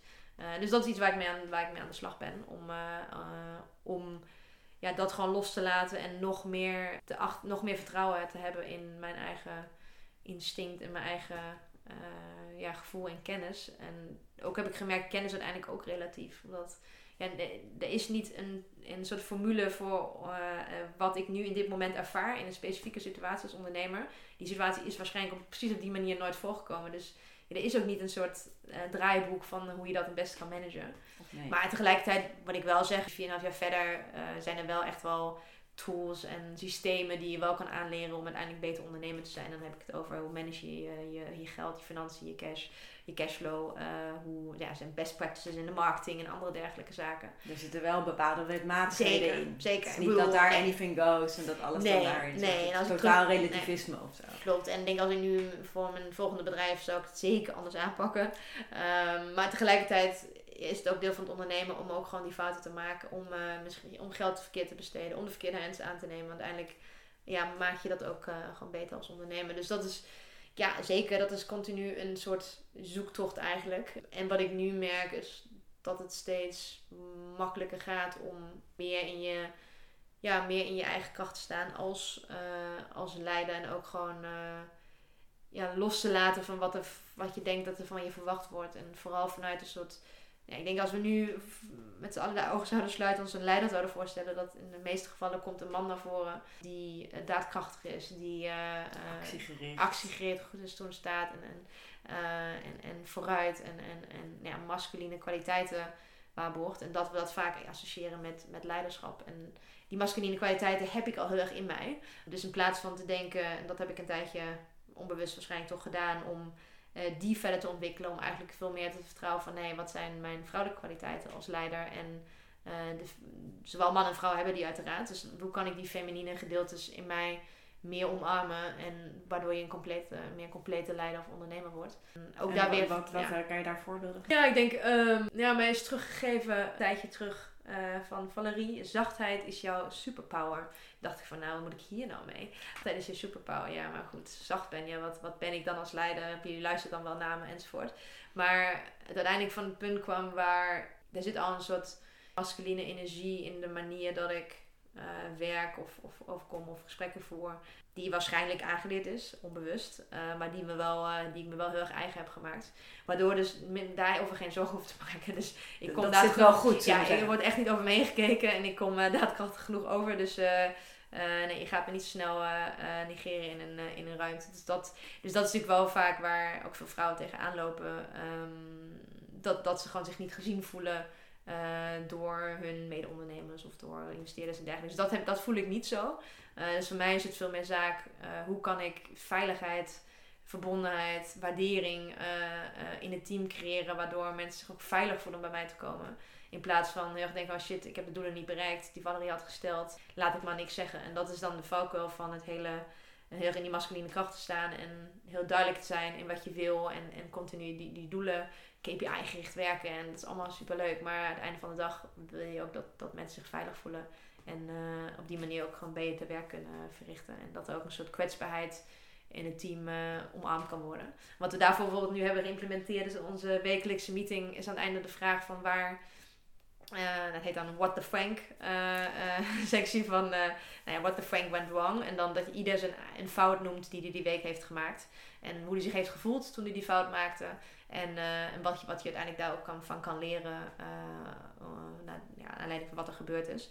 En dat op die manier het ook gewoon normaal wordt dat, ongeacht of je oprichter bent of, of niet, ehm, dat iedereen gewoon durft in zijn fouten te staan. En dat dat ook ja, normaal wordt om het daarover te hebben. Ja. En, en, want je beschrijft net hè, dat helemaal over dat eigenlijk jij bezig meer bent om de, die feminine krachten in jezelf ja. de, meer ruimte te geven. Ook om betere leider, voor in je luisteren een betere leider, om betere leiding te kunnen geven. Uh, is het ook iets voor jou perso in je persoonlijk leiderschap? Absoluut. nee, absoluut. Uh, ook een, uh, nou ja, als je het aan mijn partner vraagt, is ook een zeker gebrek aan zachtheid in mijn privéleven, als je het zo kan noemen. Um, oh, je, je privépartner bedoel je? Ja, nee, ja. ja exact. Dus nee, ja. persoonlijk leiderschap, zakelijk, ja, voor mij is het allemaal wel een beetje hetzelfde. Wie ben je, ja, hou die show up, zeg maar, als, als mens. Zowel in lastige situaties thuis als in lastige situaties op werk. En, uh, en dat zijn juist de uitdagende momenten om, uh, uh, waar je op getest wordt. En of dat een ruzie thuis is of dat dat een, een, een, een slecht nieuws is op werk. van een klant die bewijs van die met samenwerking wil stoppen. Ja, dat, uiteindelijk maakt het niet zoveel uit. Want dan heb je in dat moment de keuze van hoe ga je daarop reageren. En als je dus, als ik in ieder geval niet in die zachtheid zit en niet vanuit rust en ruimte daarna kan kijken en even kan tot drie kan tellen en even gewoon kan denken, nee oké, okay, weet hoe wil ik hiermee omgaan? Wat levert mij op als ik op die manier reageer? Eh, eh, misschien moet ik dit even laten zinken. Nou ja, dus om überhaupt die stap te kunnen maken en die, dat, het besef of die awareness te hebben om even te kunnen pauzeren. Ja, dat is voor mij een hele grote uitdaging. En dat is zowel privé als zakelijk gewoon wel heel belangrijk en, uh, om dat te kunnen doen. Omdat je uiteindelijk daardoor ja, gewoon betere keuzes maakt en ook mensen niet snel het gevoel geeft dat ze iets verkeerd hebben gedaan of dat je teleurgesteld in ze bent. Maar dat het gewoon misschien vaak aan het proces is wat niet goed is afgesproken of dat het ligt aan ja, gewoon een ander, ander onderliggend probleem wat helemaal niks te maken heeft met die specifieke situatie. Ja. En is dat iets wat je, waar je mee geconfronteerd bent in de afgelopen jaren? Uh, zeker. Ik, heb, nou ja, ik ben er nu wel uit aan het komen, maar ik heb wel uh, eerst, uh, denk ik, nou ja, ongeveer 2,5, 3 jaar wel echt heel zwaar gehad. Waarbij ik mezelf daarvoor helemaal heb overwerkt. En een soort, ik heb het nooit zo genoemd, maar achteraf kan ik het wel een soort burn-out noemen. Waarin ja, de energie gewoon op was, continu. En eigenlijk continu op een soort survival mode heb doorgezet. Um, dat is, dat is 3,5 jaar geleden? Of na 3,5 jaar? Nee, dat is in totaliteit, zeg maar. Denk ik wel, uh, denk ik na een half jaar, al zover of half jaar, jaar al wel erin zat. Na het begin van ondernemerschap. Dus wel vrij snel er zelf in heb gewerkt. En nu wel, uh, wel kan zeggen dat ik uit ben. Maar je bent, je, moet wel echt anders, heel anders je leven gaan inrichten. En dat, dat is nog steeds een, work in progress. Dus het is niet zo tenminste, hoe ik naar buiten kijk, is niet iets wat je zomaar even hebt beleefd en gelijk achter je laat. Maar dat, het, het is iets wat, wat deel van je wordt. En ook gewoon een hele ja, andere manier van leven. En ook uh, andere jij vraagt eigenlijk bijna om, uh, uh, om het te integreren met ja, wie je bent. En dat is heel moeilijk geweest voor mijn, voor mijn privépartner, die ook mijn co-founder is. Dus dat is gewoon heel zwaar geweest voor hem. Omdat geen marge was om vanuit zachtheid te kunnen reageren op dingen. Of alles was te veel, alles was overprikkeld. Um, heel impulsief reageren. Dat, ja, dat is gewoon wel lastig voor je partner. Omdat ik in essentie alleen bezig was met hoe kan ik... Waar haal ik mijn laatste beetje energie vandaan om dit of dit te kunnen oppakken. En ik dan ook weer de valkuil heb door mijn enorme drive en ambitie om niet, niet even te zeggen van nou, ik ga er een paar maanden uit, maar eigenlijk heb door, uh, ben door blijven werken. En ik zeg altijd als soort halve grap, maar het is niet per se grappig, maar mijn burn-out uit heb gewerkt. Uh, in, in, plaats van uh, die rust heb genomen. Maar, maar, maar kan je wat vertellen over hoe dat, want dit is een, dit, zeg maar het overwerk zijn burn-out is iets wat heel vaak ja, voorkomt tuurlijk, bij gedreven, ja. ambitieuze ondernemers. Dus ik denk dat het goed om iets te horen over wanneer jij signaleerde voor jezelf van dat, wat, hier, ik ben, ga niet te ver. Want je zegt eigenlijk achteraf noem ik het een burn-out. Maar, maar als je al zegt na een jaar ondernemer, is dat al is dat een hele lange periode. Ja, maar toch, toch blijven doen en toch op enorme uren draaien. Dus dat uh, is hoe, is, hoe, hoe, kan dat? Hoe gaat ja, dat, is een goede vraag. Hoe dat kan, vraag ik me ook al. daarin mee. Uh, ik, ik, zit er nog, dus dat is mooi. Nee, uh, ja, ik denk het eerste signaal wat ik kreeg was um, dat ik, dat was in, nog in een Startup Accelerator programma waar we in zaten, dat ik op een moment wakker werd en mijn lichaam zei van nee, je gaat niet uit bed. En ik ben echt iemand, ik ben echt een ochtendpersoon en ik hou van elke nieuwe dag. En uh, uh, ja, kan niet wachten om die te starten. Dus dat was enorm gek. Um, Frozen was of zo in tijd en gewoon. Dit gewoon, het, ik kon gewoon niks doen. Gewoon het was gewoon een soort shutdown of zo. Maar zonder niet per se fysiek of zo, maar het was een soort combinatie van mentaal. Uh, mentaal die benen die letterlijk zeiden van nee, je gaat nu niet uit bed, simpel. En dat ik toen die dag niet eens iets heb verteld aan mijn co-founder, maar gewoon de stad toch uiteindelijk in ben gegaan en in een cafeetje gaan zitten.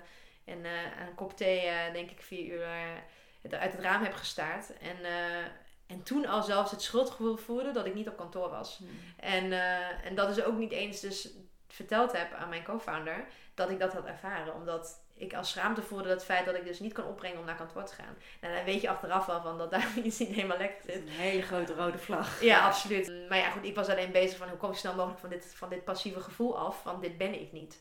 En um, nou goed, dat was ook letterlijk één dag. En daarna uh, schakel dan, het gaat een soort schakel om, denk ik. En uh, ja, vanaf dat moment gewoon uh, doorgegaan. En ook heel erg wel ook weer ook met daarin meegenomen van nee, we moeten we gaan nu niet naar huis, we moeten dit afmaken, we moeten door. En, en daardoor blind zijn eigenlijk uh, uh, aan wat er om je heen gebeurt en wat er met jezelf gebeurt. En dus je ging eigenlijk in de overdrive? In overdrive, absoluut. Ja, zeker. en uh, dat is drie jaar lang niet gestopt eigenlijk. En dat lichaam deed, deed, het, deed het nog wel? Ja, een soort van. Maar uh, nou ja, dus dat is een beetje het probleem. Want je gaat dan nou ja, door dus die enorme drive en ambitie, denk je energie te hebben voor de dingen. Maar uiteindelijk als je dan echt invoelt, maar goed, je hebt dus die verbinding niet meer tussen je lichaam en, en, en je geest. Maar als je daar dan echt zou in zitten, dan zou je heel duidelijk voelen dat de natuurlijke energie volledig op is. Maar ik heb heel lang die, die ja, gewoon niet, waarschijnlijk onbewust, niet ingevoeld omdat ik wist dat die op was. Maar uh, mezelf vertelde dat ik gewoon door kon op mijn, op mijn drive. Wat dus ook gaat. Alleen, Wat ook gaat. Uh, en de mensen het ergste vind ik nog, mensen hadden het niet door. En dat vind ik dus heel eng, omdat je dan, uh, je zit zelf in zo'n soort, nou ja, je zit dus in je eigen bubbel en een soort... Je zit zo, ja, absoluut, je zit zo en diep connectie met je lichaam verloren, dat is wat je hoor zeggen. Dat, en mensen in je omgeving hadden het niet door. Ja, hadden het niet door inderdaad. En dat, dat ik dus schijnbaar zodanig op autopiloot kon zijn, dat ik echt, nou ja, meetings heb gevoerd ook uh, nou ja, bestuur Unilever als voorbeeld zijnde. Dus echt op relatief hoog niveau. En dus echt in een soort autopiloot kon stappen. En nou ja, aanwezig was aan die tafel, maar daar eigenlijk niet echt was. En mensen dus geen idee hadden. En uh, ja, achteraf vind ik dat wel uh, beangstigend. Dat je dus zodanig schijnbaar een, een, rol kan spelen of terug kan vallen in wat je hebt aangeleerd bij jezelf. En hoe je moet overkomen, hoe je moet gedragen. in een soort professionele context. Dat mensen geen idee hebben.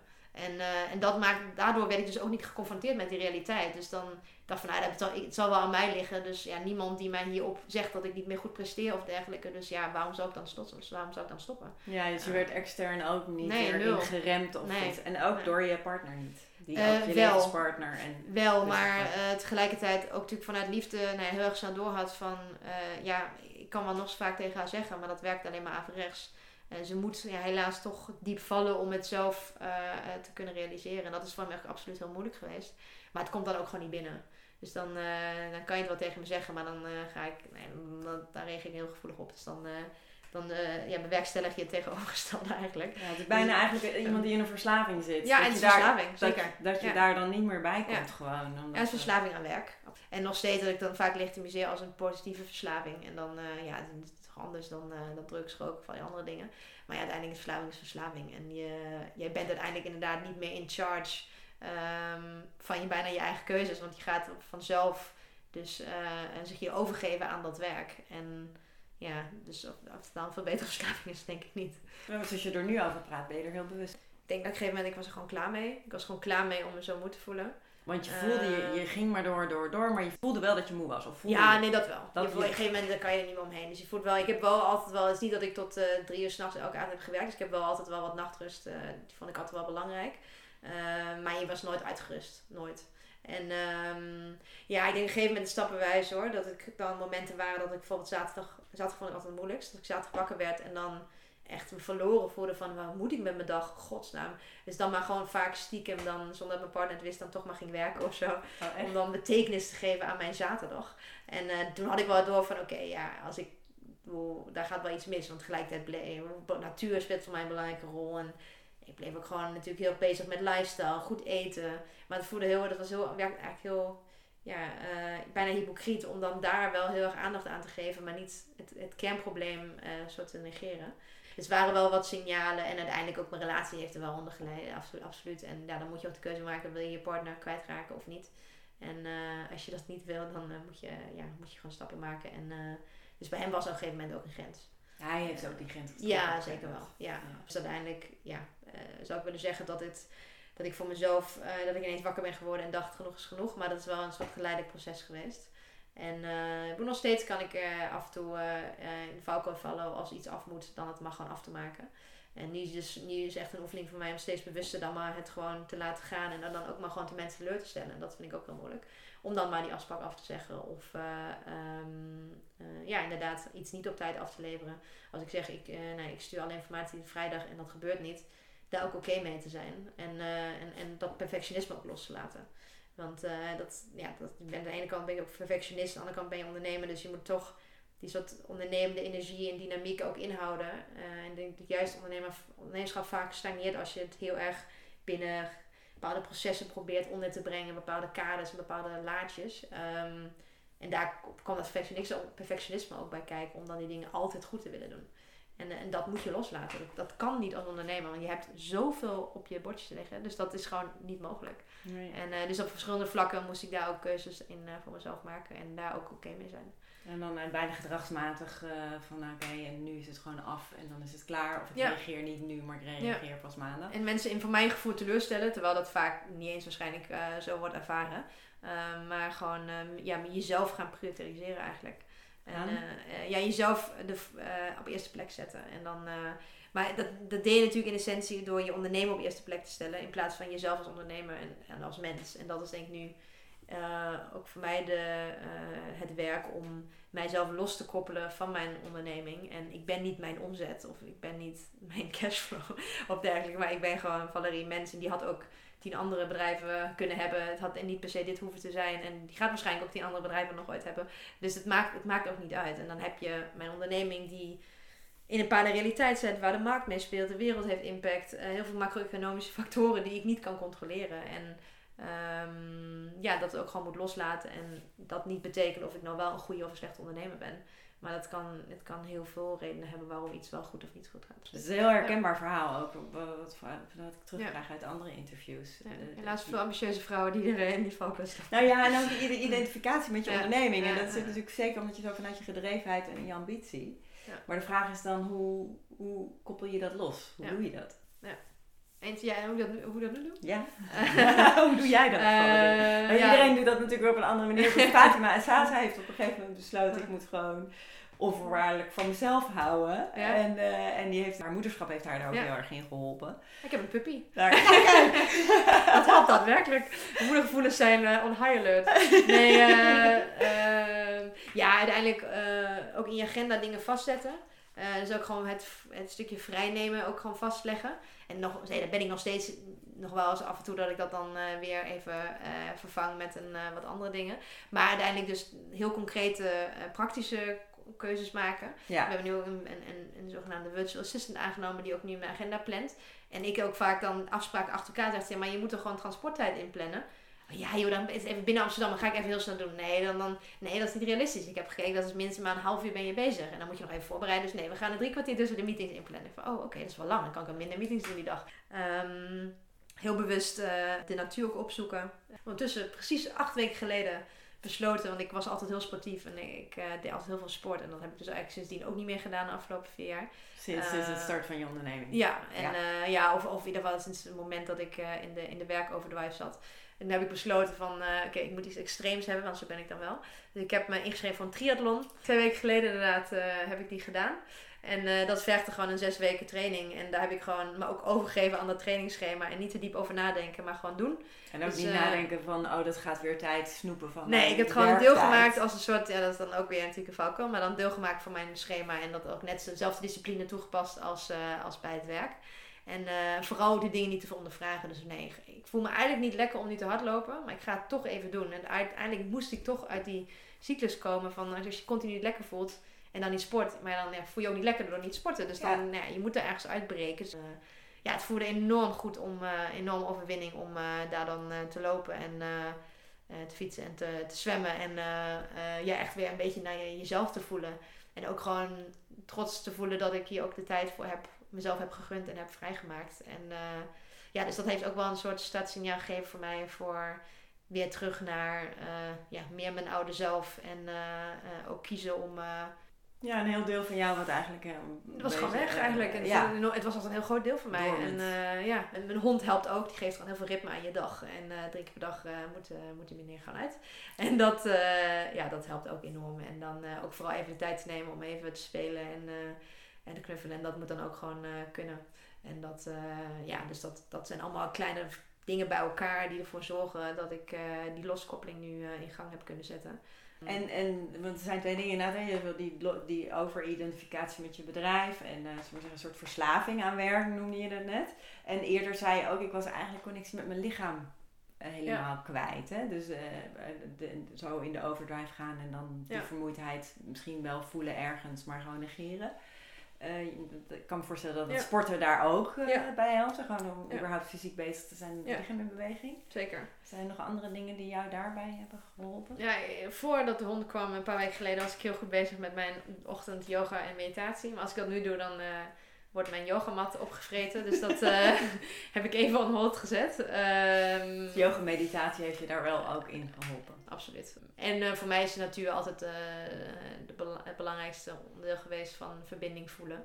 En ja, dan voel ik me gewoon deel van iets groters en verbonden met jezelf. En, en is het ook iets waar je nu in je coachingstraject of waar je de dingen, de coaching die je hebt gedaan, waarin hier aandacht voor was? Want je noemde het net over het vrouwelijk leiderschap. Hè? Dat, ja. kan voor, dat heeft hier natuurlijk ook, raakt ook al aan, aan al deze thema's die je Zeker, en ik, absoluut. Want ik geloof ook niet dat je authentiek leid, kan leiden zonder dat vanuit rust te kunnen doen.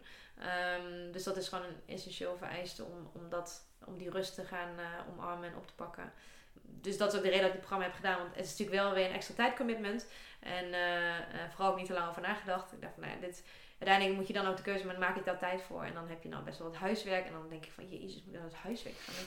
Maar dan nou, hebben ze heel slim een puntensysteem bedacht. En uh, scholier, uh, ambitieuze Valerie denkt dan van ja, ik ga wel, wil natuurlijk wel de beste punten scoren. Dus ik, ga, ik ga het huiswerk doen. Uh, dus dat, nee, maar goed, dat is op zich een goede manier om even uit je onderneming te stappen en gewoon ook daarop in te spelen. Dat gaat ook over meditatie, ademwerk. dus het is meer dan alleen de soort hard skills. dus juist zeg maar, hoe, hoe kan je, ja, wat is jouw vorm van leiderschap? Wat heb jij daar als persoon voor nodig? En ik weet één ding, daar heb ik zelf meer rust en ruimte voor nodig om, om, om daar echt in te kunnen stappen. Er zijn momenten als ik dat al voel en dan, nou, dan, dan floot het en dan uh, krijg ik dat ook terug van anderen. En dan is er een soort ook, ja, een soort natuurlijke kracht die dan ontstaat. Uh, maar die, dat is nu nog te weinig, omdat ik er vaak niet vanuit die rust uh, naar kan kijken. Ja, dus, ja. Het, dus het iets wat je, wat je gewoon nog meer wil gaan ontwikkelen nu. Ja, absoluut. ja. ja. Ja. Maar uiteindelijk geloof ik zit het ook allemaal in ons. Het zit, allemaal, het zit in ieder van ons en er geen ingewikkelde programma's voor nodig. Maar wel een soort confrontatie om te snappen van uh, ja, wat maakt jou nou eigenlijk jou als leider? En wat zijn jouw eigen waarden? Niet de waarden die je leest in een leiderschapboek. Maar wat vind jij zelf belangrijk? En daar zou je ook bepaalde type, type mensen of medewerkers op aantrekken. En dat is niet voor iedereen en dat is ook oké. Okay. Um, dus uiteindelijk uh, is het ook weer een, een soort reis naar binnen om, uh, om daarachter te komen. En het is ook wel een continu proces, want het is ook niet iets, iets wat statisch is of zo. Nee, uh, en en nee, eerder in het gesprek zei je ook mooi over wat reizen daarin voor jou betekent. Ook voor juist voor de relativering en de bewustwording van, van wat, wat, is, wat zijn eigenlijk mijn eigen normen en waarden. En hoe, weet je, maar dat, dat, is, het verandert ook. Het hangt ook heel erg van de omstandigheden en van de rollen die je hebt in je leven. Eens, zeker. En je hebt natuurlijk nu een groter team, wat je net beschreef, hè? in de groei. Dus en daar heb je ook weer een andere rol in. Dus dan word je er ook weer op een andere manier mee geconfronteerd. Nog steeds wel uh, kleiner dan ik graag zou willen. Ik zit nog steeds uh, de sales te doen, maar dat uh, hoort erbij. Dus we zijn nog wel echt een start-up. Dus ja. het zou ook nog wel een tijdje zo doorgaan. Maar, nou, maar inderdaad wel ook weten wat wel te delegeren en wat niet. Zeker. En ook weer dat vertrouwen waar we het in het begin over hadden. Van vertrouwen hebben dan dat dat in anderen en de mensen om je heen, maar ook vertrouwen in dat de dingen op hun plek vallen en dat niet alles in je bedrijf meetbaar hoeft te zijn of dat niet over een input-output betekent, maar dat het ook soms gewoon over kan worden aan, uh, ja, laten we een universum klinkt zo cliché, maar goed, overgelaten worden aan iets groters dan, dan, dan jezelf. En uh, niet te denken dat, ja, een soort zero-sum game, dat de uur dat ik insteek ook het uur is wat terugkomt. Maar nee, het is, je geeft, je, je geeft je, je, jezelf aan, aan wat je doet. En dat is gegeven ook gewoon genoeg. En daar moet je ook gewoon vertrouwen in hebben. Want je, er is een reden dat je er nog bent. de meeste ondernemingen halen de 4,5 jaar niet eens. Dus daar ook vertrouwen in hebben dat wat je doet genoeg is. Ja, en dat is natuurlijk een super moeilijke balans. Dat je, dat, maar dat is zo'n overtuiging waar we, ook, waar we ook zo mee zijn dat, geconditioneerd. Ja, dat, dat je er eh, zo, hoe meer energie je erin steekt en harder werken en nog meer doen, ja. Gaat nog betere resultaten opleveren. Maar dat is. Uh...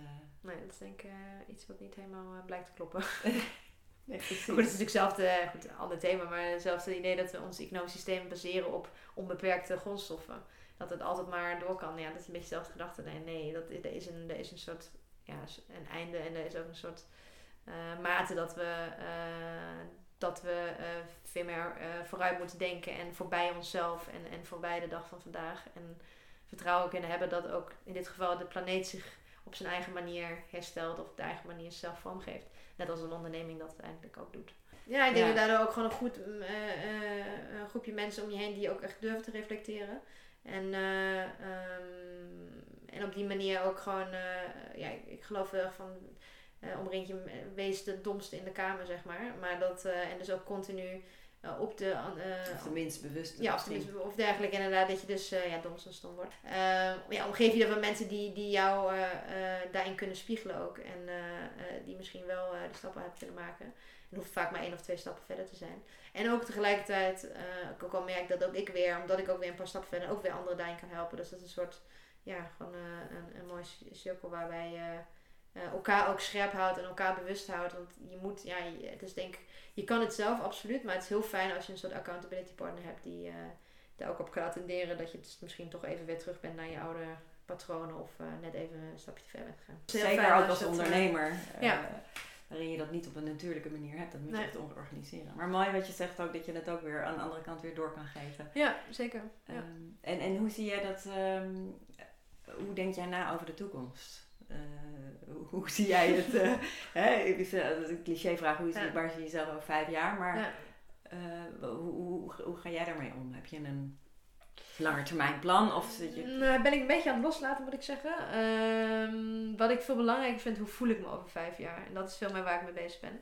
En nou, hoe ik me voel over vijf jaar is dat ik veel meer vanuit ja, een lichtheid, vanuit rust.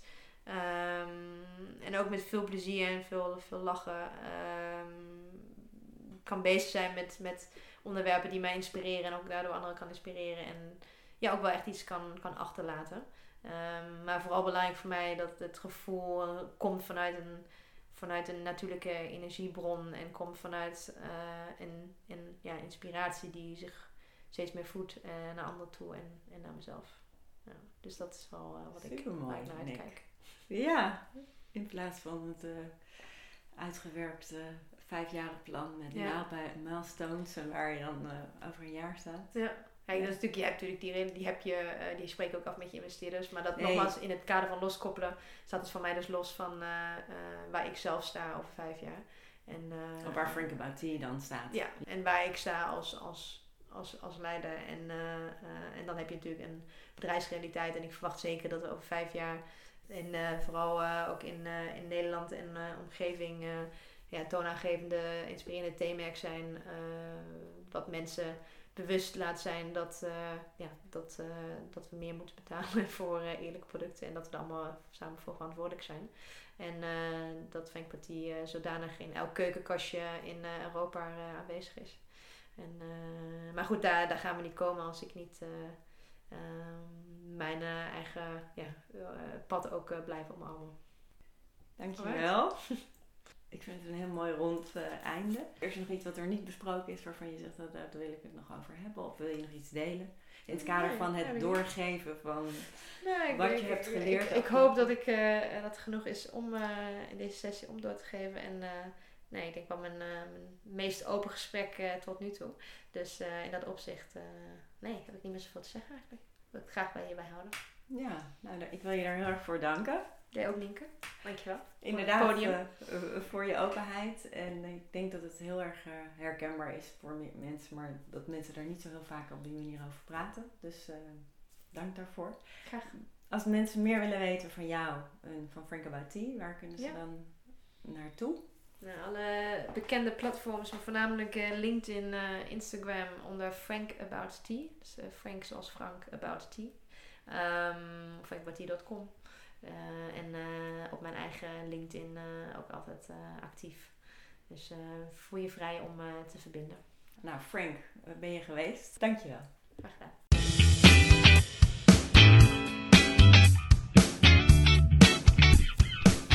Dank voor het luisteren naar de Keen Pepper podcast. Als je deze podcast interessant vindt, kan je je via jouw podcast-app abonneren via de button subscribe of abonneren. Elke keer als er een nieuwe aflevering wordt gepubliceerd, ontvang je dan automatisch een berichtje. Je kan via de podcast-app ook een review achterlaten, dan kunnen nog meer mensen de podcast vinden. Als je iemand kent voor wie deze podcast ook interessant is, kan je de podcast ook delen via een eenvoudig linkje via Spotify bijvoorbeeld.